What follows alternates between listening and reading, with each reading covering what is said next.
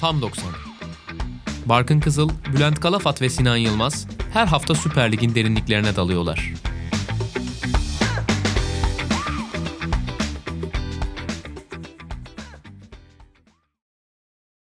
Sokrates Podcast'te Tam 90'ın 5. bölümüne hoş geldiniz ve 9. haftanın ardından bu bölümle karşınızdayız. Ben Barkın Kızıl, Bülent Kalafat ve Sinan Yılmaz'la beraber Süper Lig'de geride bıraktığımız haftayı değerlendireceğiz. Trabzonspor Fenerbahçe'yi yenerek namalup olarak liderliğe yükselmiş oldu. Tabii bu bölümde bir de özel içeriğimiz var. Bülent'in Dortmund'un yardımcı antrenörü Rene Marich'ten yediği fırçayı da bu bölümün içinde bulabilirsiniz diyelim ve Trabzonspor Fenerbahçe maçıyla başlayalım. İki takım da aslında maçın özellikle başında hareketli başladılar, pozisyonlara girdiler. Novak'ın çizgiden çıkarttığı tehlikeden bir dakika sonra Fenerbahçe Rossi ile 1-0 öne geçti. Kim min ilk yarının ortasında ikinci sarı kartla atılmasıyla beraber ise maçın seyri tamamen değişti ve Trabzonspor biraz daha kontrole geçti diyebiliriz herhalde ve günün sonunda da zaten 3-1 kazanarak liderliğe yükseldiler. Tabii bu maçla ilgili konuşacak çok fazla konumuz var ama aslında ilk 11 tercihleriyle başlayabiliriz. Hem Trabzonspor hem de Fenerbahçe cephesinde. Trabzon'da e, Abdülkadir Ömür'ü gördük. Dansville yine tercih edilen isimlerden bir tanesiydi Abdullah Avcı tarafından. Ve belki de Cornelius yerine Canini tercihi de en çok konuşulmaya değer noktalardan bir tanesi. Öte yandan Fenerbahçe'de de Muhammed yerine Bright Osay Samuel'i gördük ve Mesut'un ilk 11'e dönüşü de bu maçta beraber gerçekleşti. Fenerbahçe tarafında aynı zamanda stoperlerde de solda Novak, sağda Kim min ve ortada Zalai dizilimi vardı. Bülent bu konu maddelerinin en öne çıkanları sence nasıl? Stoperler özellikle herhalde dikkat çekiyor burada. Kesinlikle. Daha önceki haftalarda tabii Tisserand'ın sakatlığından sonra Tor Pereira'nın orada bir çözüm üretmesi gerekiyordu. Çünkü hem üçlüde Kim Min ortada tutmanız gerekiyor. Serdar'ın ortada olduğu düzenlerde tatmin edici çok az dakika çıkarabildi Fenerbahçe. Ama Kim Min ortaya alıp sağ tarafa işte Serdar'ı attığınız zaman bu sefer hücum katılımlarında eksik kalıyorsunuz. Bütün bu sorunların yanında Zala ile soldan ayırmamak gerekiyor.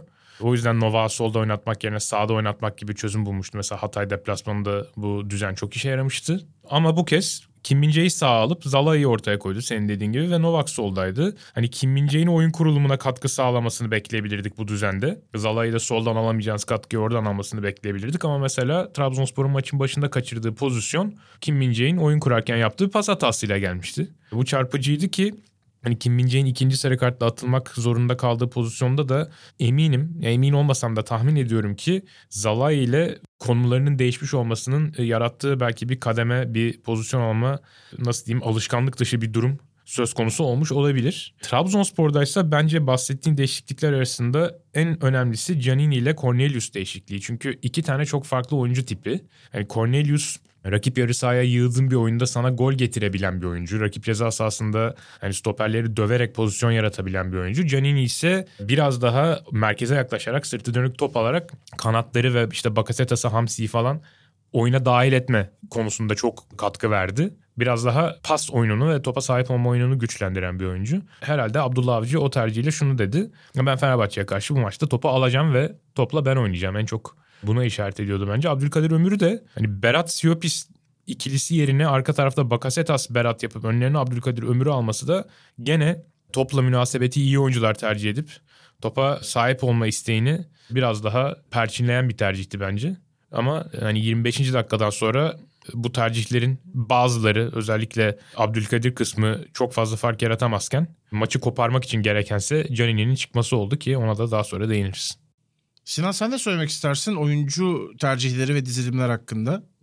Bence Bülent'in Kim Min atıldığı pozisyonla ilgili yaptığı yorum değerli. Hakikaten orada mesela merkez stoper Zalai'ye bıraksa Canini'yi ve Zalai de Canini'yi biraz böyle taça doğru, korner direğine doğru biraz uzaklaştırsa, oyalasa o pozisyon daha doğru işlenmiş olabilirdi. Ama Kim Min o ana kadar hep merkez stoperde yer aldığı için sanki birbirlerini bozdular ve orada bir hata oldu. Ben açıkçası o savunma üçlüsünün Vitor Pereira tarafından maçtan bir saat önce değişmiş olabileceğini düşünüyorum. Çünkü maçtan bir saat önce rakibi rakibin ilk 11'e gelir ve karşınızda Cornelius yerine Canini'nin oynadığını görürseniz Canini kutu içinde stoperleri zorlayan bir santrfor değil. Daha ziyade gezen ve takım arkadaşlarını oyuna sokmaya çalışan biraz Benzema modelinde oynayan bir santrfor. Öyle olduğu zaman da sizin en güçlü stoperinizi merkeze koymak yerine Kim Min oyun kurulumundan yararlanmak için biraz sağ tarafa atmayı düşünmeniz gerçekleşebilir. Ben biraz buna bağlıyorum açıkçası. Bence Cornelius oynasaydı eğer ilk 11'de o zaman Kim Min merkez stoper oynayacağını ve Novak'ın sağ stoper oynayacağını düşünüyorum. Ama Cornelius'u göremeyince muhtemelen Vitor Pereira Envakame'nin de karşısına Kim Min tipi bir daha kesici ve daha güçlü bir oyuncu atayım. Hem de onun sağ tarafta biraz daha özgür kalıp oyun kurmasını da kullanayım diye düşünmüş olabilir. Biraz Envakame özelinde bir değişikliği son anda yapmış olabilir gibi de geliyor bana ama bu Envakame özelinde yapılan değişiklikler de hep zarar veriyor takımlara. Yani bu böyle büyük maçlarda işte bazen Galatasaray maçlarında hatırlıyorum Fenerbahçe, Beşiktaş Envakame'ye göre bir şablon değiştiriyor, bozuyor. O biraz aslında kendi takımlarını da bozuyor. Biraz fazla defansif bir anlayışa sebep oluyor. Ee, yine Bülent'in dediği gibi bu arada hani stoperleri değiştirmek. Ön hattı zaten sürekli değiştiriyorsun ya. Stoperleri de değiştiriyorsun. Bu da Fenerbahçe için bence zaman zaman iyi olmuyor. İşte bu maçta o iyi olmadığı maçlardan bir tanesiydi. Artık bir uyum yakalamak ve herkesin görevlerini tanıması ve ezberlemesi açısından bir istikrar da gerekiyor bence pozisyonlarda. Sen aslında zaten Kim Min de bahsetmiş oldun stoperleri konuşarak. Onun çift sarıdan atılmasıyla beraber maçın kırıldığını söylemiştik. O anı ve sonrasını konuşalım. Hazır lafa girmişken de devam et istersen. Ya orada şöyle bir durum oluyor. Tamam atıldı. Atıldıktan sonra yapacağınız hamle çok önemli. Orada bence Vitor Pereira'nın daha büyük bir hata yaptığını düşünüyorum ama hani dersen ki o hatadan Trabzonspor çok nemalandı mı? Hayır. Ama hata neydi dersen de şunu söyleyeyim. Hatırlarsan Beşiktaş'ta da Sergen Yalçın bunu yapmıştı. Stoperlere atıldığında Josef de Souza'yı merkez stopere çekiyordu ve onu çektiği zaman da orta sahası delik deşik olup bol bol pozisyon yiyordu. Gustavo'yu merkezden alıp stopere çektiğinde Fenerbahçe'nin de benzer bir problem yaşadığını düşünüyorum. Çünkü başka kesici bir orta sahası yok. Hatta yani daha büyük problem Gustavo'yu stopere çektiğiniz zaman Gustavo'nun yerine Mesut'u çekmeniz. Yani çok alakasız bir ilişki oluyor orada. Hani Mesut ve şeyle yani şunu da düşünüyorum. Tisserand son 20 dakika oynayabiliyorsa e son 65 dakikada oynayabilirdi herhalde diyorum. Yani 40 dakika daha fazla oynardı herhalde diyorum.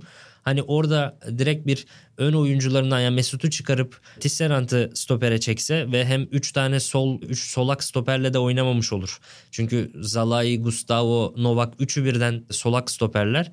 Hani o da kötü etkiledi ve yine yerlerini değiştirmek zorunda kalıyorsun. Onun dışında ama Trabzonspor bence bundan çok fazla faydalanamadı. Trabzonspor'da da bir şanssızlık 3 oyuncu değişikliğinden sonraki hamle biraz elini bağladı açıkçası Abdullah Avcı'nın. Şöyle oldu. 25'te Envakame sakatlanıp çıkıyor. Devre arasında da bir değişiklik yapıyor ve 52'de de bu sefer Bruno Perez sakatlanıp çıkıyor. Üçüncü oyuncu değişikliği son oluyor. Yani 5 oyuncu değiştirme hakkınız var ama oyunu 3 kez durdurabiliyorsunuz. 25'te durdurdu, 52'de durdurdu. Şimdi son hakları için sadece bir kez durdurabiliyor. İki oyuncu değişikliğini birlikte yapabiliyor ama onu da mesela 60. dakikada bir daha değiştirip Cornelius alsa son 30 dakika değişiklik hakkı kalmayacak ve bir sakatlıkta falan artı bir kişi fazla oynama avantajını da yitirmiş olacaktı. Hani o yüzden biraz bekledi Cornelius hamlesi için ama açıkçası Cornelius hamlesi de hemen sonuç verdi. Ve şu da ilginç Vitor Pereira Abdullah Avcı 5 oyuncu değişikliğini bitirdiğinde sadece bir değişiklik yapmıştı ve takımı da 10 kişiydi. Yani Valencia gibi işte milli arada 3 tane Güney Amerika'da maça çıkmış ardından çok uzun yol gelmiş oyuncusu da var. Serdar Dursun hamlesini de anlayabiliyorum biraz. Çünkü uzun toplarda duran toplarda uzun boylu bir oyuncuya da ihtiyacı vardı. Ama ne olursa olsun Mesut Özil'i çıkarmak için 75 dakika beklemesi garipti. Yani hem yorgun takım ve hem de rakibiniz artı bir kişi fazla oynarken 5 oyuncusunu birden değiştirmiş. Siz sadece bir oyuncu değiştirmişsiniz. Takım da yoruluyor. Öyle bir durum vardı. Hani Trabzonspor'da namalup liderliğe yükseldi ama şu ana kadar oyunu ile beni henüz tatmin edemediğini de söyleyeyim. Yani şurada 10 kişi oynayan ve merkez orta sahasında Mesut'u olan ve 3 solak oyuncuyu stoperde kullanan bir Fenerbahçe'ye karşı çok daha fazla üretmesini bekliyordum ben Trabzonspor'un. Ama bunu sağlayamadılar. Abdullah Avcı'nın geçmiş takımlarında her zaman hoca takımı olduğunu görürdük. Oyunculardan çok daha fazla oyun ön plana çıkardı ama bu Trabzonspor'da fazlasıyla oyuncular ön plana çıkıyor ve oyun gücü beni şu an için hiç tatmin etmiyor. Bülent seninle devam edelim. Yine aslında 23. dakikadan alabiliriz. Hem öncesini hem sonrasını konuşabiliriz. Senin notların nasıl derbiyle alakalı? Beğendiğin bir maç oldu mu? Bir de onu da sormak istiyorum. Hayır olmadı.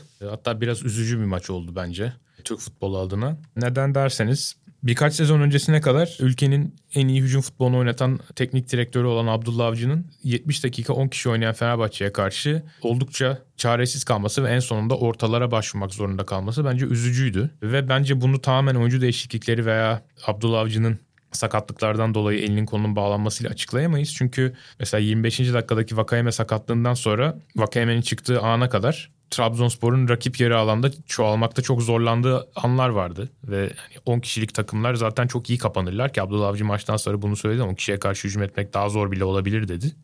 E, haklı olduğu bir yer var. Eğer siz onlara sayısal üstünlüğü hissettirecek bir oyun oynamazsanız evet daha zor olabilir ve Trabzonspor tam olarak bunu yaptı. Yani kadrajda 9 Fenerbahçeli'ye karşı 5 Trabzonlu'nun olduğu bir sürü an vardı. Bu sahadaki oyuncuların kim olduğuyla açıklanacak bir durum değil bence. Ki hani Trabzonspor'un maçtaki en etkili set hücumu Fenerbahçe 11 kişiyken yapıldı. Vakayeme e, sol taraftan, sol çizgiden sol yarım alana Bakasetas'ı hareketlendirdi. Bright Osay, Samuel, Kim Mince ve Crespo'nun arasından onu ceza sahasına soktu.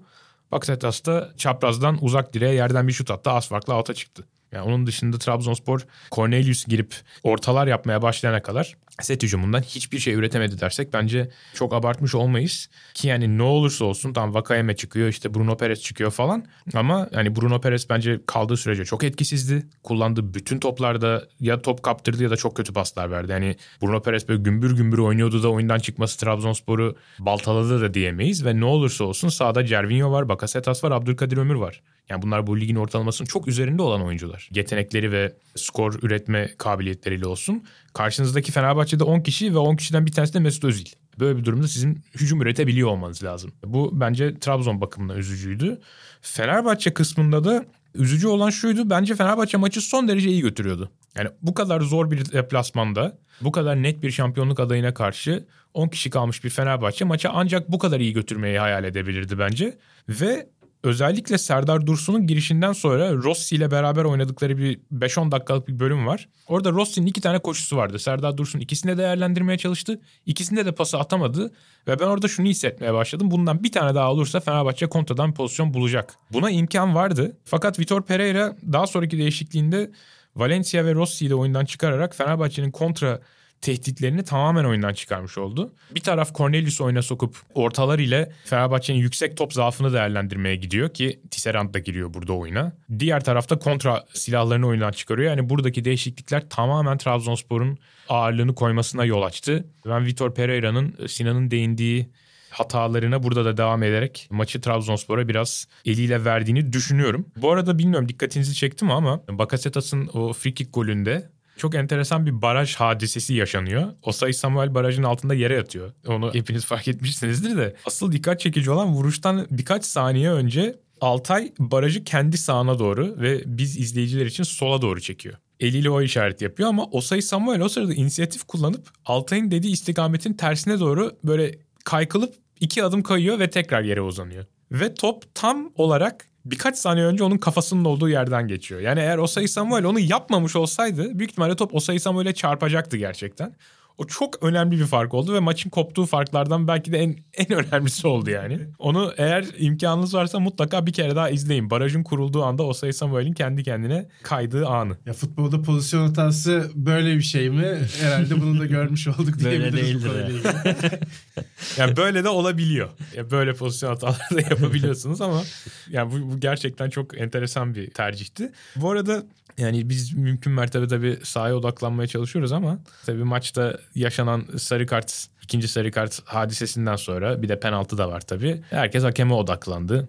İşte Ali Koç gene bütün taraftarları işte e, havaalanına gidin falan diye böyle bir gaza getirdi. Dış mihrakları işaret etti falan tipik. Ve yani futbolu yorumlayan herkes de Kim Min Jae'in pozisyonuna yaptığı yorum üzerinden asıldı veya kesildi. Yani o pozisyona ne yorum getiriyorsan senin bütün futbol yorumculuğun ona göre değerlendirildi. Ben burada şunu anlamıyorum. Kimse kendini o kararı vermek zorunda olan hakemin yerine koymuyor. E, hakemler Türkiye'de aşırı zor bir iş yapıyorlar. Çünkü bütün futbolcular boğazına gelen darbede suratlarını tutuyorlar. En ufak bir şeyde kurşun yemiş gibi yere atlıyorlar. Aşırı miktarda itiraz ediyorlar sürekli olarak. Bir kere bu var. Onun dışında Türkiye'de herkes paranoyak. Çünkü sürekli olarak bir paranoya dalgası estiriliyor. Ve bu post-truth hakimiyeti var yani. Sen bir şey söylüyorsun, bir algı yaratıyorsun ve o algıya yeterince inanan insan çıkarsa o gerçek oluyor. Hiçbir dayanağının olmasına gerek yok. Yani böyle bir ortamda böyle bir futbol ikliminde hakemlik yapmak imkansız bence. Yani bunu hep söylerim. Türk futbolunun en son sorunu da hakemlerdir bence. Ki Önder Özen'in de Sokrates'te Emre Özcan'la yaptıkları çok güzel program var. Katılmıyorum diye ona da herkese tavsiye ederim izlemelerini. Türkiye için çok faydalı bir program bence. Onun son bölümünde Önder Özen diyor ki yani Türkiye Türk futbolunda ne doğru ki? Hangimiz iyiyiz ki hakemleri iyi olsun diyor. Aşırı doğru bir yorum. Çok katıldığım bir yorum. Ve o yüzden ben çok saçma ve sahtekar bir davranış olarak buluyorum hakemleri suçlamayı ve bunu yapmayı herkes bir an önce bırakmalı. Bu hepimizi geri götürüyor.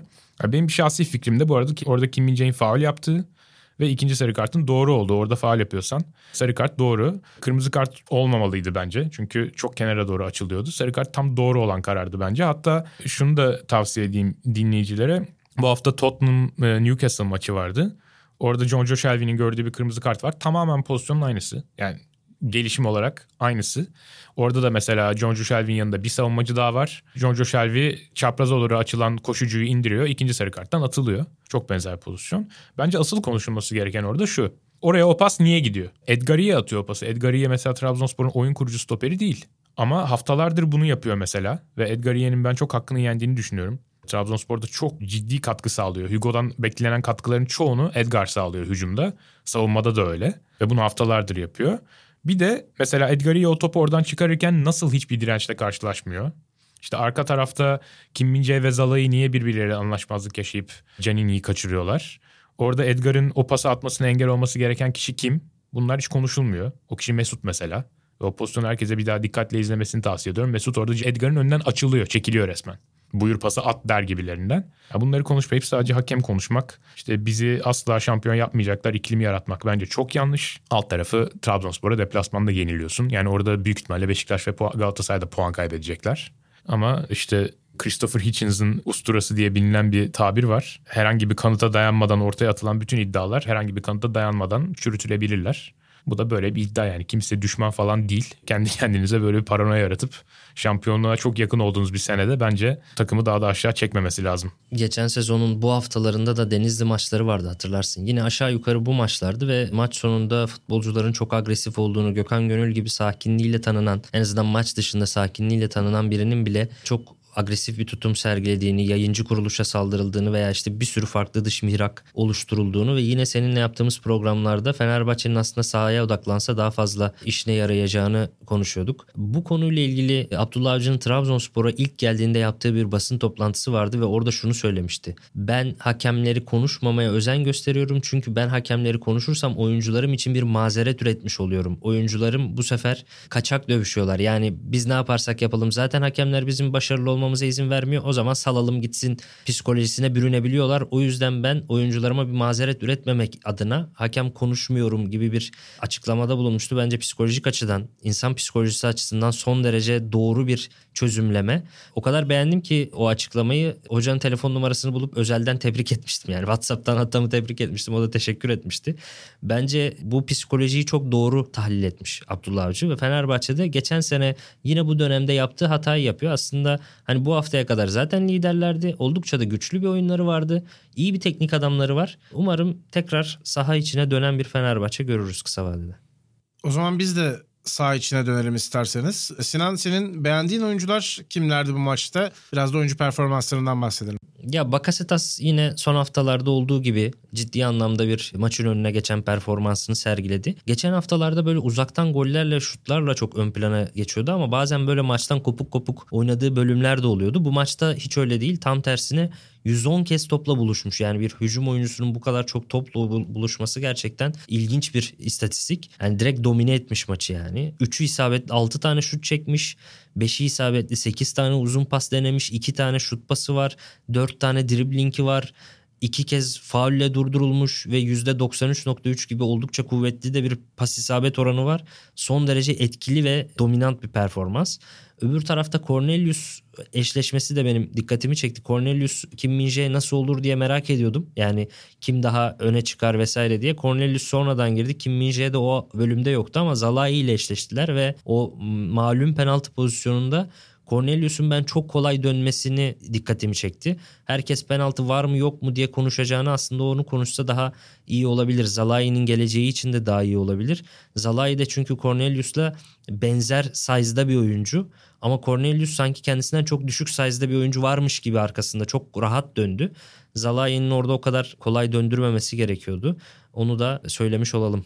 Zalai'yi zaten kendisini incelediğim bir sene önce yaptığım o videoda da anlatmaya çalıştığım gibi kalıplı ve uzun boylu bir oyuncu olsa da temaslı oyuna çok yatkın bir oyuncu değil. O konuda hala kendisini çok geliştirmesi lazım. Ki yani Cornelius Salah'yla da eşleşse, Tisserant'la da eşleşse benzer avantajları yaşayacaktı. O bakımdan Fenerbahçe'nin orada o ortaların içeri gelmesini durdurması daha önemliydi bence. Orada önemli bir noktaya parmak bastığını düşünüyorum penaltıya değil o topun oraya nasıl geldiğine odaklanmak lazım ki Abdullah Avcı maçtan sonra gene saha içine değinerek şunu söyledi. Biz çok yüksek değil ama alçak ortalarla Cornelius'u topla buluşturmak istedik. Onun fizik avantajını sırtı dönük toplarla kullanmak istedik dedi. Orada çok net bir plan vardı. Acaba Fenerbahçe'nin planı neydi? Onu merak ediyorum ben. Fenerbahçe cephesindeki iki oyuncuya da bence değinelim burada. Bir tanesi Crespo. Crespo 10 kişi kalan ve ağırlıklı olarak kendi ceza sahasının önünü kapatan bir Fenerbahçe'de Gustavo'nun da stoper hattında olmasından ötürü bütün kirli işleri yapmak zorunda kalan oyuncuydu. Mesut'un partneri olarak ve yani bayağı ciddi rakamlar üretti. İşte 7 tane falan top kapması var sanırım topa müdahalesi, pas araları falan ama ben Fenerbahçe'deki kariyer için referans bir maç olmadığını düşünüyorum. Mesela ilk 25 dakikada oyun daha geniş alanda oynanırken Crespo çok bocalıyordu. Bakasetas'ın ondan önce davranıp aldığı bir topla dikine gittiği bir an var 20. dakika civarı. Gene benzeri bir şekilde rakibe uzak kaldığı için Edgariye'nin iki tane rakibin arasından çıktıktan sonra üçüncü çalımı attığı oyuncu Crespo oluyor. Vakayeme'ye açmıştı daha sonra Edgariye ki o goldeki Kim Min ikinci sarı kartından önceki slalomundan önce bir kere daha yapmıştı Edgariye o slalomu. Oradaki üçüncü çalımı yiyen oyuncu Crespo olmuştu. Hani geniş alanda çok alan kat edilen oyunda hala Gustavo kadar katkı veremeyecek gibi sinyaller verdi bence Crespo. Bir de tabii Altay'daki düşüşe bir ufak bir parantez açmak lazım. Bu maçta da çok iyi değildi. Barajın altından yediği golde hani ne olursa olsun topu bir şekilde kalenin dışında tutmayı başarması gerekiyordu bence. Çok çok sert gelen bir top değildi. Dorukan'ın işte sağ direkten yükselip sol direğe doğru arkaya doğru vurduğu kafa şutunda topu böyle bir bıraktığını gördük orada Altay'ın ama top kaleye de girebilirdi orada. Altay'ın biraz daha farkında olması lazımdı pozisyonunun. Ama hani bence çok da abartılacak bir şey değil. Kaleci için hala Altay çok genç yaşta böyle maçlar çıkara çıkara gelişmesi lazım. Ama bir düşüşte olduğunu not etmek lazım. Yani Fenerbahçe adına kesinlikle fark yaratan negatif performanslardan bir tanesi Altay'a aitti. O zaman dilerseniz artık Trabzonspor Fenerbahçe maçını noktalayalım. Beşiktaş'la devam edelim. Bülent sen Twitter'da demiştin ki Başakşehir'le oynadıkları maçı Türkiye Ligi'ni hiç izlemeyen birisine izletseniz son iki yılın şampiyonlarının oynadığını kimseyi inandıramazsınız. İki takımın da set hücumunda çok etkisiz olduğunu görüyoruz ve maçtaki tehlikeler de yine bireysel hatalarla geldi bu mücadelede. Nasıl yorumlamak istiyorsun Başakşehir maçı itibariyle Beşiktaş'a? Beşiktaş geçen sezon başarıya ulaştığı o yoğun pres yapan kimliğini biraz kaybetmiş gibi gözüküyor. Ki ben Başakşehir maçında hem geriye düşmesinin hem de maçı kaybetmesinin hatalı bir başlangıç planıyla ilgili olduğunu düşünüyorum. Böyle açıklıyorum kendimce. Bu Statsbomb'un podcast'te de çok yer verdiğim bir verisi var. Baskı ve kontra baskı verisi. Yani kontra baskı da şey demek topu kaptırdıktan sonraki 5 saniye içinde yapılan baskılar. Beşiktaş bu iki alanda da sezonun en düşük rakamlarını elde ettiği maçını oynamış. 102 tane baskı yapmış, 26 kere de kontra baskı yapmış. Beşiktaş'ın sezon ortalamaları ise 140 baskı ve 34,5 kontra baskı. Yani bayağı ciddi bir düşüş var. Ve mesela bunun en net örneklerinden bir tanesini 24. dakikada gördük. Başakşehir kalecisiyle, Epriano ile ve Yusuf Endayişmi ile o kadar rahat oyun kurma şansı elde etti ki en sonunda Endayişmi'ye baktı. E tamam arkadaş kimse bana basmıyorsa ben bu pası atarım dedi ve uzun metrajlı yüksek bir savunma arkası pasıyla Berkay'ı Mert'le karşı karşıya bıraktı. Başakşehir'in maçın başında yakaladığı en net pozisyonlardan bir en net pozisyonda hatta. Hani orada hiçbir baskı görmeden Yusuf'un o pası atmasına izin verildi. Ki bunun bir kısmı orta sahada tercih edilen üçlüyle alakalı. Atiba, Josef ve Oğuzhan. Hani Oğuzhan'a sonra değiniriz tekrar ama bence Beşiktaş'ın bu sezon yaptığı en büyük hata Atiba Joseph tandemiyle bir sezonu daha götürebileceğini sanmak. Bu biraz Başakşehir'in şampiyon olduğu sezondan sonra Skertel Eprian ikilisiyle bir sezon daha götürebileceğini sanmasına benziyor bence. Bu yanılgı şu ana kadar Beşiktaş'a ağır bedeller ödetti. Atiba'daki düşüş zaten bu yaşa kadar gecikmiş olması yani bu yaşa kadar gelmemiş olması şaşırtıcı olandı ama artık geldi ve onun partneri Joseph de yani Ajax maçından beri çok kötü sinyaller veriyor. O eski bildiğimiz Josef değil, herkesin açığını kapayan, Beşiktaş'ın savunmasını öne iten, savunmacılarının zaaflarını kapatan, stoperlere savunma değil hücum oynatan Josef biraz sallanıyor. E Josef sallanınca da bütün takım sallanıyor. Çünkü çok onun performansına ihtiyaç duyan bir futbol oynuyordu Beşiktaş. Hani bu mevkiye yapılan takviyelerin Salih, Mehmet Topal ve Pjanic olması çok ciddi bir planlama hatası ki bunu sezon başında biraz anlatmaya çalıştığımda yorumculuk kariyerimin en ağır linçlerinden bir tanesini yemiştim Pjanic üzerinden. Yani bir oyuncunun çok iyi bir futbolcu olması çok iyi bir transfer olacağı anlamına gelmiyor. Yani Necip'in profil itibariyle biraz daha fazla süre bulması gereken bir döneme giriyor bence Beşiktaş. Çünkü Josef Atiba ikilisinde çok ciddi bir sallanma var. Onların yaptığı baskı ve diğerlerinin açıklarını kapama katkısını verebilecek tek orta saha oyuncusu şu anda Necip gibi duruyor Beşiktaş'ta. Beşiktaş tabii aynı zamanda aslında sakatlıklardan da en çok canı yanan takımdı belki ligde şu ana kadarki bölümde. Ve bir türlü o bütünlüğü sağlayamadılar. O yüzden de bireysel performanslar öne çıkıyor gibi gözüküyor. Sinan bireysel performansları da sana sorayım. Olumlu ve olumsuz etki edenler kimler sence? Yani Bülent'in yorumlarına katılıyorum. Maç böyle oyundan çok bireysel performansların belirleyici olduğu bir maçtı ve Okaka'nın ciddi anlamda fark yarattığını söyleyebiliriz. Çok fazla dikkat çekmeyen hani Josef'in düşüşüne değindi ya Bülent. Bence Rozier'de de belli bir düşüş var özellikle savunma hamlelerinde yumuşama var. Yani Ajax maçında mesela çok kolay ortalar kestirdiğini düşünmüştüm Tadiç'e karşı. Bu maçta mesela ilk golde Visca çok kolay şut attırıyor. O şut ve ortaları bloklamada ciddi bir gevşeklik görüyorum ben açıkçası. Tabii orada o şutu sektiren kaleci Mert'in de büyük bir hatası var. Wellington şimdi sakatlıktan döndü. Senin dediğin gibi sakatlıktan dönenler de hemen ritim tutamıyor zaten. Öyle bir problem de var. Wellington mesela ilk yarıda Okaka ile olabildiğince boğuştu. Ondan toplar kazanmaya çalıştı ve 5 tane tackle yapmış ilk yarıda. İkinci yarıda 2 tane tackle yapmış. Okaka ritim buldu devam ediyor performansına. İkinci yarıda da aynı şekilde sağlam gidiyor. Ama Wellington ilk yarıdan sonra ikinci yarıda yoruluyor ve düşüyor. Bunu görüyoruz. Tabii Gulbrandsen'in oyuna sonradan girmesi de bence Emre Belezoğlu adına pozitif bir hamleydi. Zaten Gulbrandsen tipi böyle çok enerjik, dinamik oyuncuların son 30 dakikada oyuna girmesi çok çok daha değerli. Mesela eskiden Galatasaray'da Trabzon'da oynayan Umut Bulut da öyle bir oyuncu. Böyle çok dinamik ve enerjik oyuncu ama çok yetenekli teknik bir oyuncu değilse son 30'da girdiği zaman rakip savunmacılar zaten yorulmuş oluyor ve onları böyle hızlı ve dinamizmiyle e, geçebiliyor. Zaten yaptığı asiste de mesela kolayca geçti ve ortası bloklanmadan asisti yaptı Okaka'ya. Zaten Gulbrandsen sonradan oyuna girdiği maçlarda işte son iki sezonda en çok gol atan oyuncuymuş. Öyle bir istatistiği de vardı 2019'dan beri olan. 7. golünü atmış sonradan girdiği maçlarda. Onun dışında Rıdvan iyiydi bence. Ve Josef'i de olumsuz anlamda eleştirdi Bülent. Ama mesela bir pozisyonu var 65'te. Orada da maç aslında böyle 1-1'e geldi ve artık Beşiktaş'ta pozisyonlar bulabiliyordu falan. Orada 65. dakikada bir pası var. 3. bölgeye çıkmıştı Josef. Joseph 3. bölgeye geçtiğinde en yaratıcı 6 numara bence ligdeki. O da hani böyle fiziğinden ve aslında mesela geride müthiş bir oyun kurucu değil ama 3. bölgeye geçtiği zaman bunu yeni Malatya maçında da yapmıştı. Benzer bir top atmıştı. Yine ceza sahasına çok iyi bir top gönderdi. Oradan gol çıkmadı. Oradan gol çıksa belki Beşiktaş yine maçı çevirecek. 1-0'dan yine 2-1'e döndürecek ve Başakşehir de bu sene bunu çok yaşıyor. Öne geçtiği maçları yenik duruma düşüp kaybedebiliyordu. Hani orada o Josef'in pasından maç dönse geçen seneki maçı da hatırlarsanız Josef'in attığı golle Beşiktaş çevirmişti. Hani yine benzer bir senaryoyla Beşiktaş maç çevirebilirdi ama bu tabii ki Beşiktaş'taki yaşanan düşüşlerin olmadığını da göstermiyor bir yandan. Bülent aynı konuyu aslında seninle de devam ettirelim. İsim olarak notların arasına kimler girdi?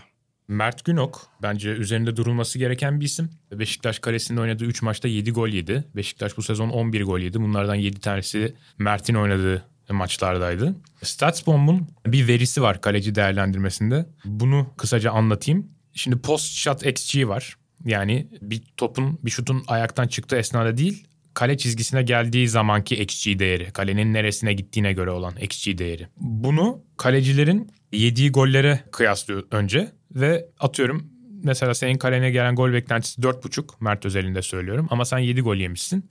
Orada bir eksi 2.5'luk değer oluşuyor. Bunu da kalene gelen bütün şutlara bölüyorlar. Ve böylece senin kalene gelen her şuta kattığın veya o şutlardan eksilttiğin gol olma yüzdesini hesaplıyorlar. Mert en az 300 dakika oynamış kaleciler arasında yani 295 dakika oynadığı için oraya sokuyorum onu. Bu alanda ligin en kötü kalecisi. Kalesine gelen her şutun gol olma değerini yaklaşık %15 arttırmış. Ersin ise bu alanda ligin en iyi kalecisi. Kalesine gelen her şutta gol olma değerini %10 azaltmış.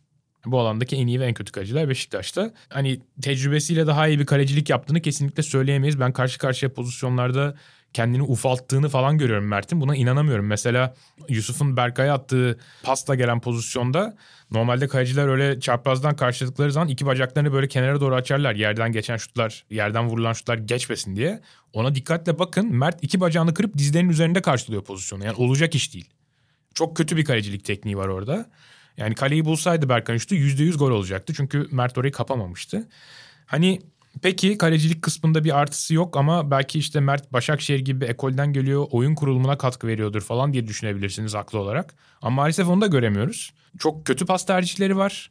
Hani nasıl Galatasaray'da Muslera'yı eleştiriyoruz birazdan da geliriz. Baskı altında olduğu halde oyunculara pas verdiği için onları zor durumda bırakıyor diye. Yani Mert de mesela bu maç aynı şey yaptı birkaç defa. Mesela 20. dakikada Vida'ya verdiği bir pas var. E, Vida o pası alıp ne yapacak Mert? Senin onu görebiliyor olman ve ona göre mesela sağ tarafta Beşiktaş'ın Rozier, Gezzal ve Atiba ile sayısal üstünlüğün bulunduğu bir bölge olduğunu görüp oraya uzun atman lazım mesela. Sen o katkıyı verebiliyor olmalısın tecrübenle ve %60 %70 topa sahip olmayı alışkanlık haline getirmiş bir takımın kalesinde yıllarca oynamış bir kaleci olarak. O katkıyı da vermiyorsan o zaman şu soru hemen gündeme geliyor. Herkesin aklına geliyor. Neden Mert oynuyor kalede? Neden Ersin gibi bir yükselen bir değer varken neden Mert'e süre veriliyor? Bunu anlamak çok zor. Tabii ki Hani Şampiyonlar Ligi maçları döneminde ağır sakatlıklar da gelince Beşiktaş bocaladı ve Beşiktaş'ı her zaman belli bir filtreden geçirerek eleştirmek gerekiyor. Ben hala 4 şampiyonluk adayı arasında en zor günlerden geçen takımın Beşiktaş olduğunu düşünüyorum. O yüzden biraz daha empati kurmaya çalışıyorum Beşiktaş'la ama yani şu milli maç arasından daha iyi dönmesi gerekiyordu takımın. Şimdi çok zor bir dönemeç daha geliyor. 35 gün içinde Sporting, Sporting Lisbon, Galatasaray, Hatay deplasmanı, Lisbon deplasmanı, Trabzon, Alanya deplasmanı ve Ajax maçları var. Yani felaket bir fikstürü daha geliyor. En azından onun öncesinde yani Başakşehir gibi şu anda ligin zayıf takımlarından biri diyebileceğimiz bir takıma karşı Beşiktaş'ın biraz daha iyi bir futbol oynamasını bekliyordum ben. Burada da tabii hayal kırıklığı yaratan isimlerin başında belki de Oğuzhan geliyor. Burada Barkın senden biraz rol çalıp ben Sinan'a paslayayım. belki belki Sinan artık bana Oğuzhan konusunda hak veriyor. Maalesef ya. Yani Oğuzhan'la ilgili bu milli arada hatta Beşiktaşlı bir arkadaşın tweet'i önüme düşmüştü. Milli takımın Oğuzhan'a ihtiyaç duyduğunu falan yazmıştı. Tabii Oğuzhan milli maçtan önce bir maç güzel çıkarınca hemen herkes Oğuzhan'la ilgili çok pozitif hayaller kurmaya başlıyor. Çünkü Oğuzhan geçmişte yaptırdıklarıyla çok şeyler hayal ettirebiliyor ama işte o hep bir maç, iki maç, sonraki maç yok. İki maça bile çıkmıyor hatta çoğu zaman. Yani çok böyle saman alevi performanslar. Atiba da yanında çok kötüydü bence. Ve ikisini birden devre arasında oyundan çıkarmasını ben de olsam ben de çıkarırdım. Sergen Yalçın'a o yüzden hak verdim. Ama ben onların arasına bir de güveni eklemezdim. Yani üçüncü değişiklik olarak güveni de çıkarmak bence biraz acele oldu. Ama yani ne olursa olsun orada Mahmut, Berkay ve Çadli üçlüsü de yani rakibin Başakşehir'in orta üçlüsü de oldukça yumuşak olmasına rağmen çok rahat bir üstünlük kurdular. Oradaki Atiba ve Oğuzhan'ın etkisizliğinden dolayı. Ve bence Sergen Yalçın'ın devre arası değişikliği oldukça pozitifti. Necip Joseph çift çapaya dönüp önlerine Alex Teixeira'yı atmak ve Alex'i de sakatlıktan dönen Alex'i de rahatlatmak oldukça verimliydi. Zaten beraberliği de buldular ve hatta Okaka'nın ikinci golüne kadar bir 20-25 dakika maç böyle terazinin iki kenarındaki kefeler gibi sallandı. Yani kim golü bulsa maçı o alacak gibiydi. Beşiktaş'ta işte az önce bahsettiğim o Joseph'in pozisyonu falan 65. dakikadaki pozisyonuyla bayağı gole yaklaştığı anlar da oldu. Onlardan bir tanesini atsa Beşiktaş'ın maçı çevirmesi ve galip tamamlaması da son derece olasıydı. Ama onları atamayınca Gulbrandsen hamlesi Emre Belezoğlu'nun belirleyici oldu. Okaka'nın yorulmaması ve fizik üstünlüğünü devam ettirmesi bunun karşısında Beşiktaş'ın stoperlerinin en sonunda yıpranması, yorulması belirleyici oldu ve Başakşehir bu maçtan galip geldi. Ama şu da ilginç Sergen Yalçın hep sonradan yaptığı hamlelerle Antalya deplasmanında da mesela maçı çevirmeyi bilmişti vesaire ama neden maçın başındaki planlar işlemiyor onu da biraz düşünmek lazım. Maalesef Atiba, Oğuzhan bu sene bazı hocanın şans verdiği isimler o şansları pek iyi kullanamıyor. Başlangıç 11'lerinde biraz sorunlar yaşıyor gibi düşünüyorum. O zaman Galatasaray'a geçelim. Şampiyonluk adayları arasında 3 haftadır kazanan tek takım Galatasaray ama yani bunu yaparken sahada çok ikna edici bir oynadıklarını söylemek kolay değil açıkçası.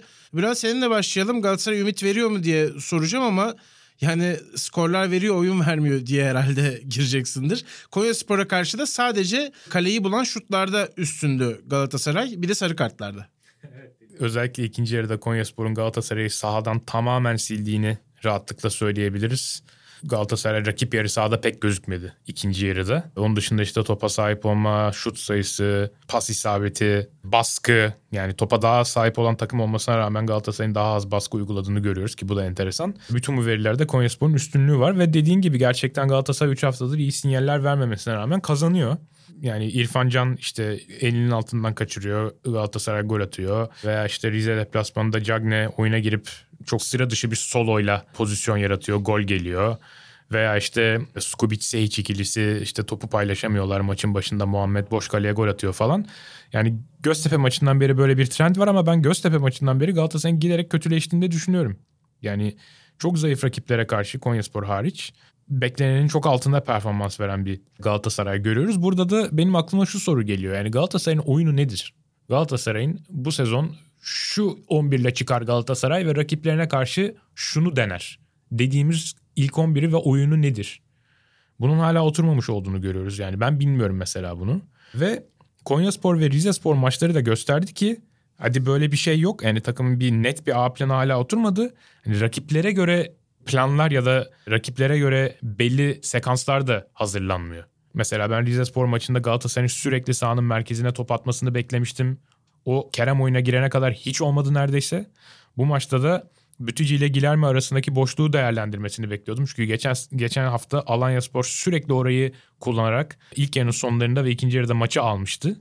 Oyunu almıştı. Bunu Galatasaray'da sadece Çıkıldağ'ın inisiyatif kullandığı iki tane anda gördük. Ve onların organize bir şey olmadığını şuradan anlıyoruz. Çıkıldağ o kanada pası attığı zaman kimse Çıkıldağ'ın pasının hedefi olan oyuncuya yaklaşmıyor. Mesela 35. dakikada falan attı bir tane Yedlin'e. Bomboş bir alanda Yedlin topu aldı. Muhammed, Kerem ve Halil sola doğru ve merkeze doğru koşu atıyorlar. Yedlin'e en yakın oyuncu böyle Galatasaraylı 10 metre 15 metre uzakta. Yani orada da organize bir şey olmadığını görüyoruz ki İlhan Polut takımındaki bu zaafın farkında. Çıkıldağ o pası atmadan önce kameradan da şeyden de gözüküyor bu arada. Televizyon ekranında gözüküyor. Bütücü'ye sağ kenarından bağırıyor İlhan Polut geri koş çabuk geri koş diye. Galatasaray farkında değil ama o zaafın. Belli ki böyle bir şey çalışılmamış. İşte Çıkıldağ iki kere farkını gösterdi. O kanada pas attı. Ama bunu çok daha sık yapması gerekiyordu ve organize bir şekilde yapması gerekiyordu Galatasaray'ın. Bülent Galatasaray'ın oyunu ne bilinmiyor demişti Sinan. Aslında Fatih Terim'in de 10. haftaya artık gireceğimiz bölümde hala yenilikler denediğini görüyoruz. 4-4-2 ile maça başladı ve Ali Dervişoğlu ile Mustafa Muhammed'i önde gördük maçın başlangıcında. Bu taktiksel değişiklikle ilgili ne söylemek istersin? Sence bu maçlık bir değişiklik miydi? Rakiple ilgili bir değişiklik miydi? Yoksa kalıcı bir şekilde bu sistemi oturtmak istiyor olabilir mi Fatih Terim? Rakiple ilgili değil bir kere. Yani çünkü şu açıdan Fatih Terim rakibe göre formasyonu kariyeri boyunca hiç uygulayan bir teknik direktör olmadı. Hep kendi oyuncularına göre ve form durumlarına göre bazen işler istediği gibi gitmediğinde B planları üretiyor. Yani 4-4-3 olarak işte 4-1-4-1 de diyebiliriz. Bu şekilde A planıyla bu sezona da girdi. Zaten çok uzun zamandır bunu kullanıyordu ama bu sezon işler istediği gibi gitmeyince bir 4-4-2'ye döndü. Tabii bu 4-4-2 kanat oyuncularının tarzları nedeniyle 4-2-4 oynanıyor aslında. Yani maçın büyük bir bölümünde.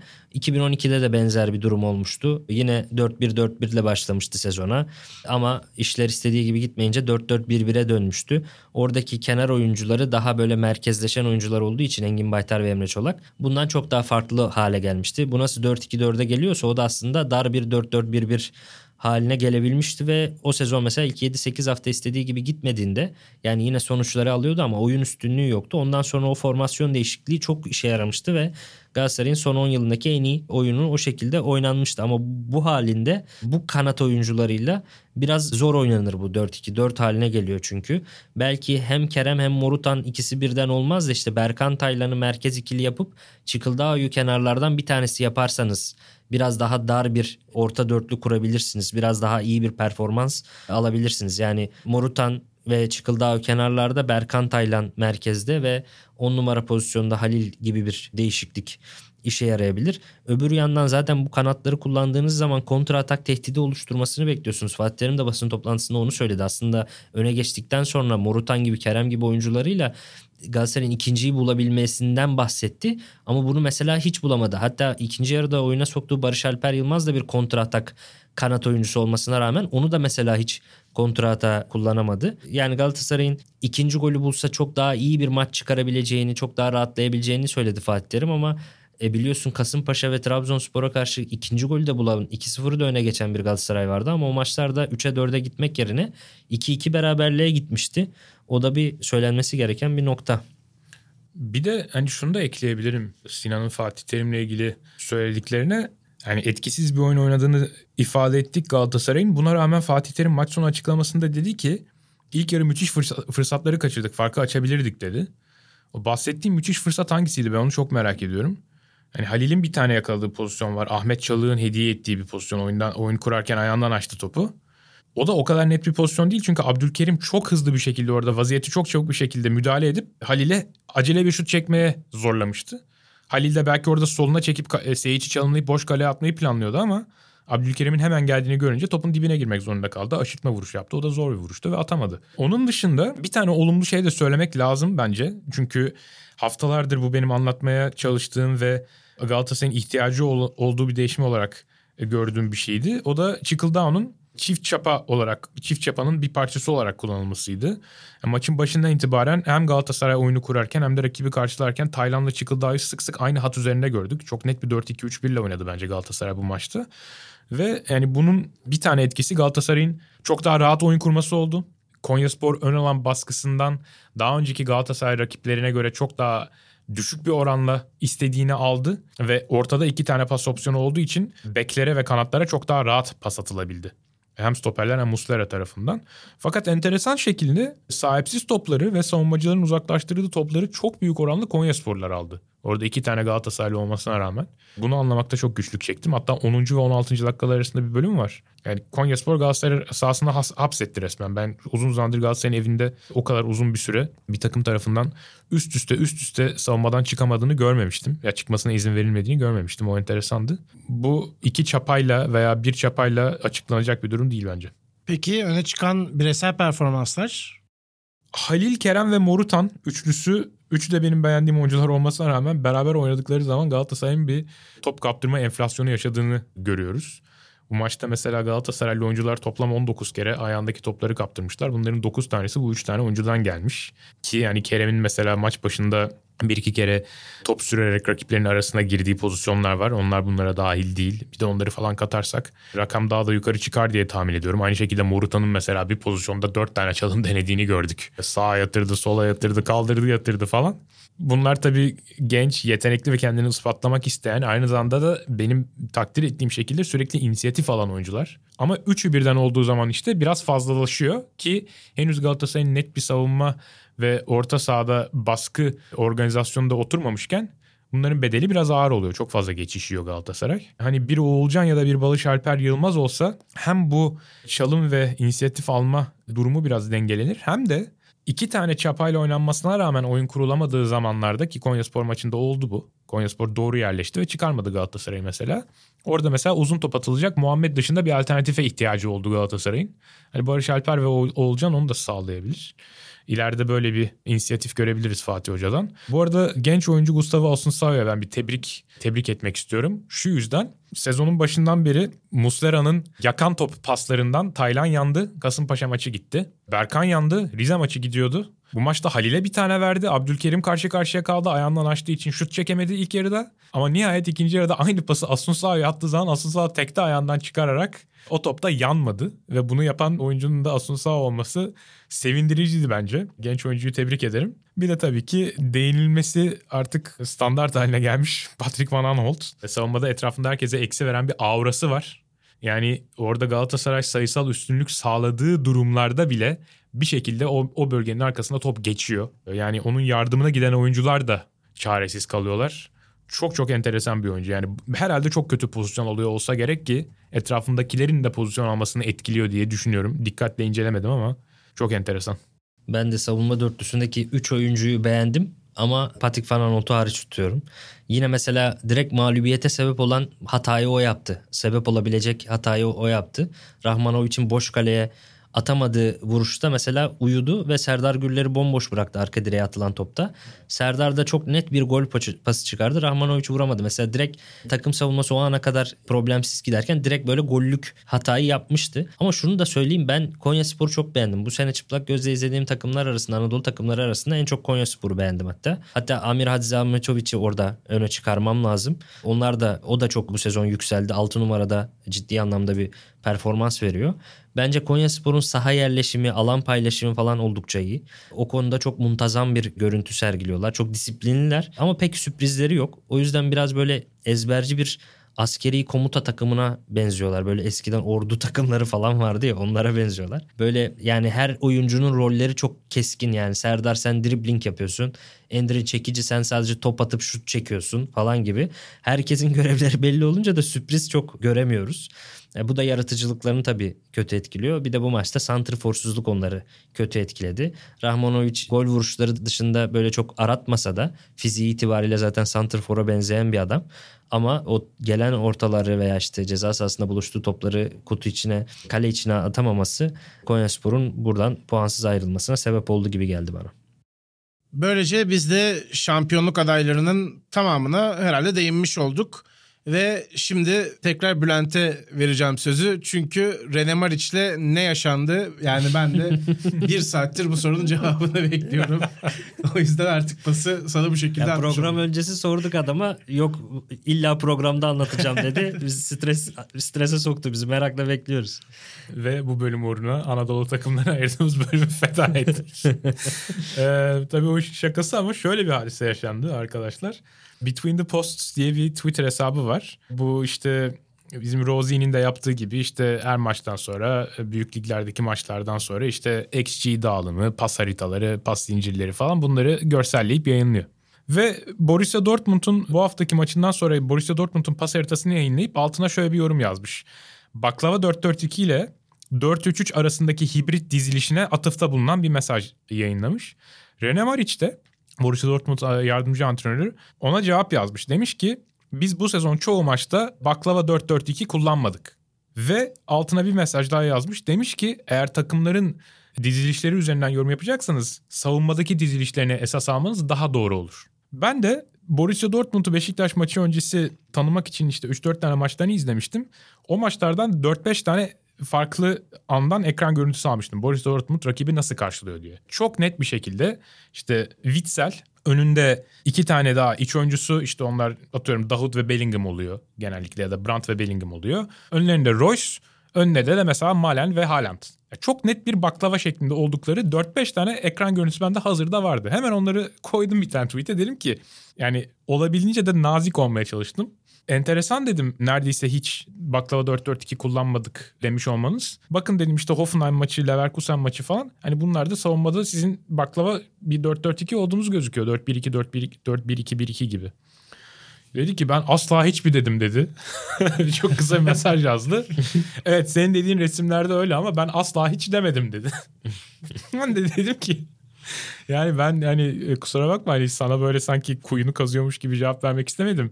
Öyle bir tonlama çıktıysa özür dilerim. Hani ben sadece senin görüşünü merak ettim. Çünkü yani birkaç maçta gördüm ben bunu falan yazdım. Ona da cevap alamadım ama tabii Renemar için bana yazdığı o sert cevap bir sürü like falan almış. ben sanki böyle Renemar için haddini bildirmeye çalışan bir hiç kimse falan gibi orada şey oldum. Çıvan, çıvan başı gibi gözüktüm biraz ama niyetim o değildi gerçekten ve ben hala haklı olduğumu düşünüyorum. Çünkü 4 e, yani 4-5 tane farklı anda e, bir, Dortmund o şekilde gözüküyordu yani. Bir Fatih Demireli Lineker olayı da sende Sokrates'in böyle troll şeyi var herhalde. Ünlü futbolculara, ünlü futbol adamlarına Twitter'dan yaz, yazma gibi bir özelliği var. Ha, ülkedeki futbol ortamını bir de başka ülkelere de sıçratma gibi bir özelliğe doğru gidiyoruz herhalde. Neyse onu da, onu da bu şekilde René işte ilişkimi başlatan hadise belki bir gün kıymetli olur. İnşallah.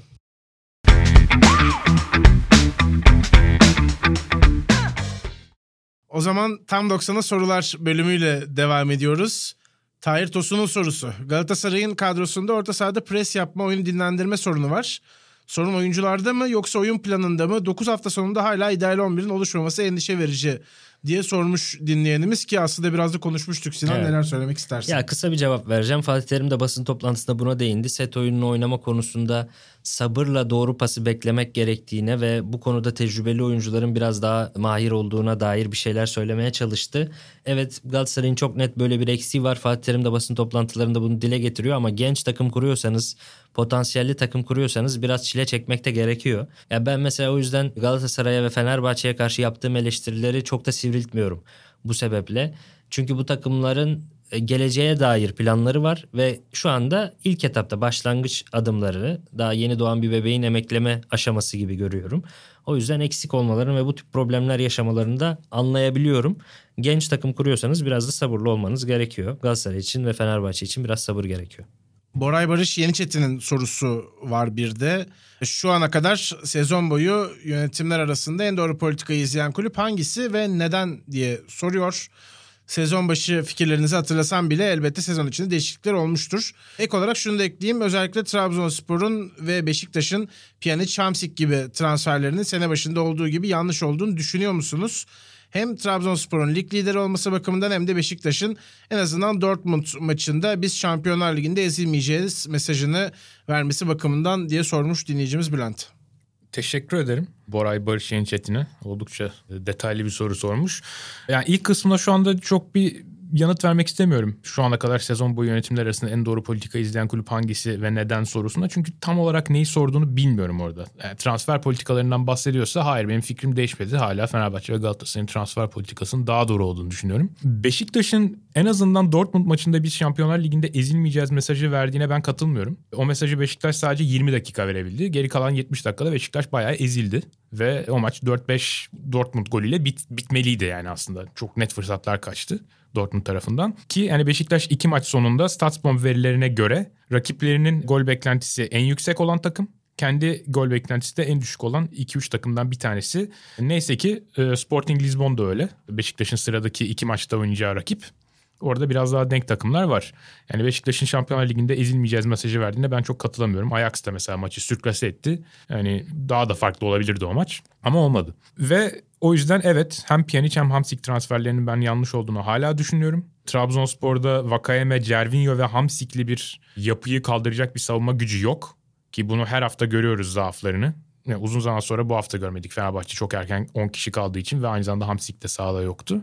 Yani Beşiktaş da şimdiden Pjanic yokken bocalamaya başladı. Halbuki bu takım geçen sezon Pjanic'siz şampiyon olmuştu. Ligin en iyi futbolunu oynayarak. Yani eğer çok kısa bir sürede böyle bir Pjanic bağımlılığı gelişiyorsa bir takımda ve o oyuncu 6 ay sonra takımdan ayrılacaksa ve bunu herkes biliyorsa bu hiç ideal bir durum değildir. O yüzden yani Beşiktaş kısmında da değindiğim gibi bir oyuncunun iyi olmasını değil takım için uygun olup olmaması üzerinden yorumlamak lazım transferleri. Böylece biz de Tam 90'ın 5. bölümünün sonuna geliyoruz. Tabii önümüzdeki hafta 10. haftada hem Beşiktaş hem Fenerbahçe hem de Galatasaray Avrupa maçlarından sonra lige dönecekler. Dolayısıyla Trabzonspor için belki bu bir avantaj olabilir. Rakiplerinin yorgun olacağı bir hafta olacak onlar için. Aynı zamanda tabii ki bir de Beşiktaş Galatasaray mücadelesi pazartesi günü olacak. Dolayısıyla biz de o maçın ardından zaten kayda gireceğiz. Ben Barkın Kızıl, Bülent Kalafat ve Sinan Yılmaz'la beraber bu bölümde de sizlerle beraberdik. Önümüzdeki hafta tekrar görüşmek üzere. Hoşçakalın.